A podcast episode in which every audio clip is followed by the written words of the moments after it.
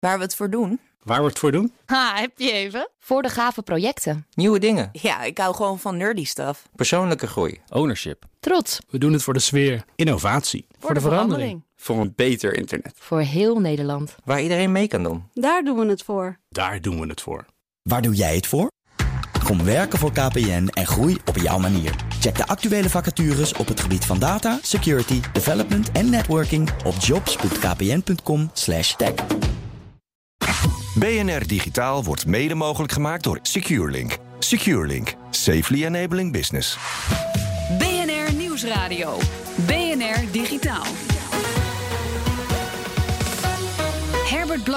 Om het auteursrecht online beter te kunnen handhaven, werkt het Europese parlement op verzoek van de Europese Commissie aan nieuwe copyright-wetgeving.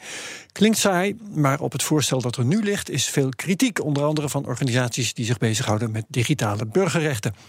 Een van die organisaties is Bits of Freedom. Ik ga erover praten met onderzoeker David Korteweg. Welkom.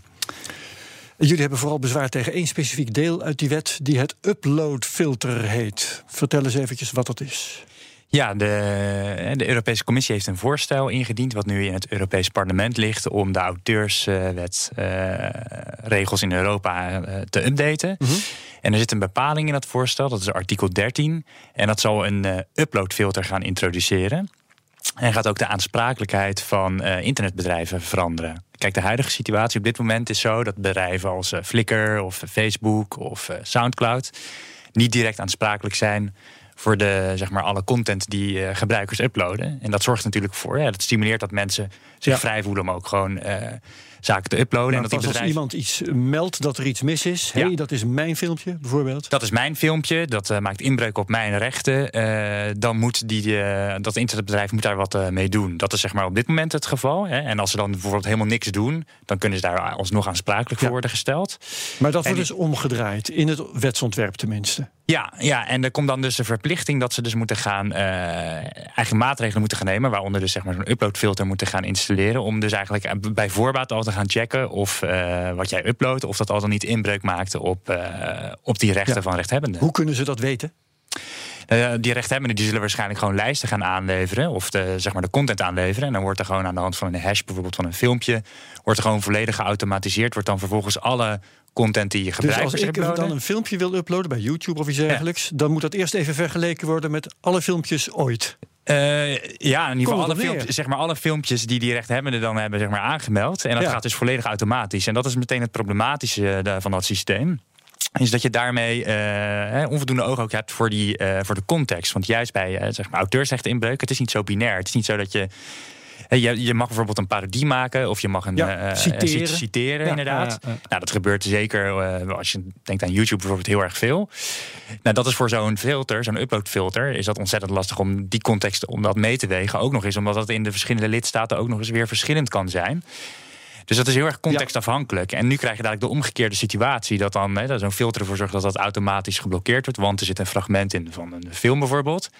En dan, ja, dan moet jij als gebruiker maar ervoor gaan zorgen om het alsnog weer online te krijgen. Ja, en overigens voor een deel werkt dat al bij YouTube bijvoorbeeld. Want YouTube haalt al op eigen initiatief van alles weg wat lijkt op bestaande filmpjes. Ja, zeg maar de en grote moeten par- ja. makers van parodie en dergelijke moeten soms heel erg knokken om dat weer terug te krijgen. Nou, en soms ook mensen die een filmpje hebben gemaakt waarop de achtergrond een muziekje aanstaat. Ah, muziekje, copyright. dat ja, bijvoorbeeld. Maar dan is het al wel eerst even online geweest. ja, en In die nieuwe situatie, de voorgestelde situatie, Ja.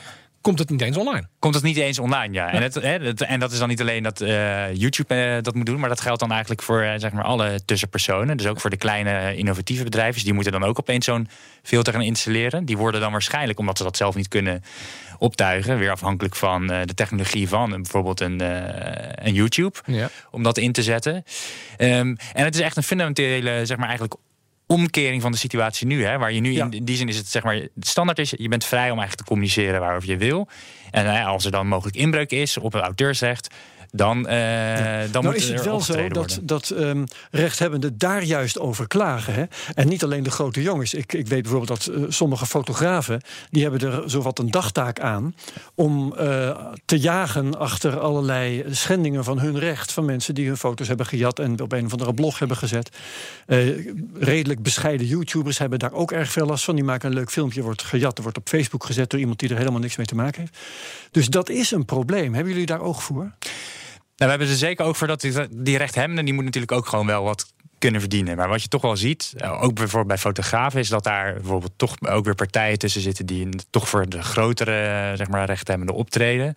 En bij, wij spreken bijna geautomatiseerd. Bijvoorbeeld Getty Images, zo'n bekend voorbeeld daarvan. Gewoon het internet scannen om te zien of er ergens uh, foto's zouden staan van, uh, van hun, hun rechthebbenden waar ze voor staan. Um, je zal zien dat het toch voornamelijk zeg maar, de, de grote partijen wel. Uh, die zullen hier wel van profiteren, maar die kleine partijen uh, niet zozeer. Ja, je hebt toch een tussenliggende markt die in theorie om zeep uh, kan gaan. Want die, het bedrijf die scandiensten aanbieden, ook voor de kleine fotografen, voor een, bijvoorbeeld voor het lidmaatschap iets. Misschien dat die prijzen onbetaalbaar zijn, daar heb ik geen idee van. Maar die partijen zijn dus, als dit voorstel er in deze vorm van komt, er voortaan overbodig. Want het wordt bij het uploaden al gefilterd. Dus je hoeft niet meer het internet af te laten scannen. Op jouw foto of jouw liedje of verandert het landschap. Ja. ja. Ja. en wat natuurlijk ook heel erg kwalijk is, en nu gaat het dan over auteursrecht. Mm. Maar eh, dat zie je wel vaker, dat het met het auteursrecht, de lobby is daar heel sterk van de rechthebbende groep. Uh, dat er nu een soort juridische infrastructuur wordt gebouwd. En dus ook met verplichting om zeg maar, zo'n technische infrastructuur te bouwen. Die natuurlijk de volgende stap zal zijn van ja, waarom wordt het alleen gebruikt om content die inbreuk maakt op auteursrechten automatisch te filteren? Laten we dat ook doen voor content die beledigend is of onrechtmatig zou zijn. Feature creep. Ja, ja. Uh, wat, wat, uh, hoe vinden jullie dat het wetsvoorstel gewijzigd moet worden? Nou, zeg maar, dat element moet er gewoon echt uit. Hè. Dat is ook dat is dat artikel 13 eigenlijk gewoon. Dat artikel 13 zou er het nummer ook natuurlijk. Ja. Ja. ja. Nee, maar is, is, en, en uh, ja, uh, dat wordt een heel gevecht met uh, de lobby van de andere kant natuurlijk, de rechthebbenden. Ja.